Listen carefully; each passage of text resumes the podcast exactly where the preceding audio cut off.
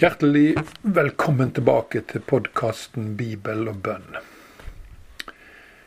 Vi skal lese i dag Salme 116, vers 10-14, og der står det slik Jeg trudde, og da jeg sa jeg er hardt plaga.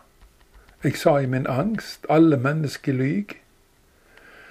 Hva kan jeg gi Herren igjen for alt det gode Han gjør? Jeg løfter frelsesbegeret og kaller på Herrens navn.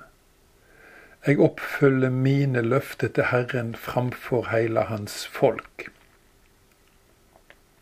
I vers 10 bedyrer salmisten at han trodde òg da han var hardt plaga. Noen, noen slutter å tru på Gud når de er hardt plaga. De tar plagene som et tegn på at Gud ikke finst. Men det er ingen grunn til det. For saken er at han gir oss plage for å rense livet vårt for slagg, og for at han vil at vi skal komme han enda nærmere. Det er rein nåde. Alt det som Gud gjør i ditt liv, er rein nåde.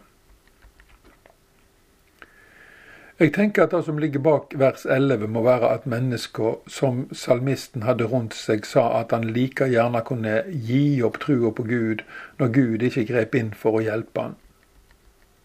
For hadde det eksistert en god og allmektig Gud, ville han nok ha fått hjelp, mente de. Men siden hjelpa utevart, måtte han forstå at Gud var ikke-eksisterende. Slik tenker mange i våre dager. Det er veldig vanlig. Men det er ei løgn. Og de som tenker slik, ja, de er løgnere. For som salmisten påpeker i vers 12, skjer det også mye godt her i verden. Og dersom det vonde er et tegn på at Gud ikke eksisterer, så må jo det gode være et tegn på at han faktisk eksisterer. Hvis vi skal være logiske. Og midt i smerten fryder salmisten seg over alt det gode Gud gjør, og så spør han, hva kan jeg gi han tilbake? Det er et godt spørsmål for meg og deg også.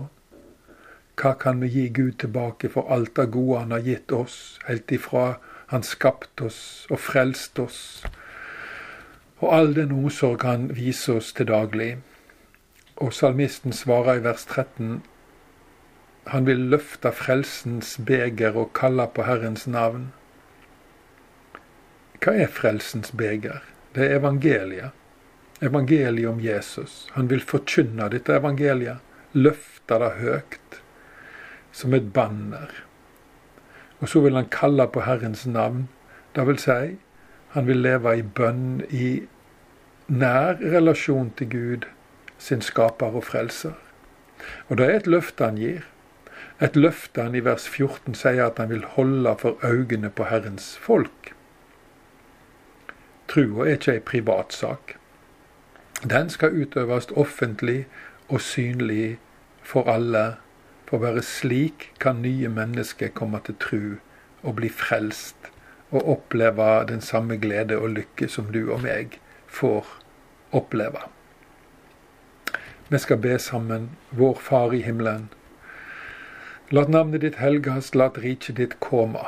Lat viljen din råa på jorda så som i himmelen. Gi oss i dag vår daglige brød, og forlat oss vår skyld, som vi òg forlet våre skyldmenn. Og før oss ikke ut i freisting, men frels oss fra det vonde, for riket er ditt, og makta og æra i all eva. Amen så må Herren velsigne deg og bevare deg. Må Han la sitt ansikt lyse over deg og være deg nådig. Må Han løfte sitt åsyn på deg og gi deg fred. Takk for at du tok deg tid å lytte til Guds ord i dag og ta del i bønna. Mitt navn er Jens Thoresen, jeg er pastor i Kristkirka på Stord. Og du er hjertelig velkommen til gudstjeneste kommende søndag klokka tolv. Merk deg tida klokka tolv. Takk for denne gangen, og på gjenhør.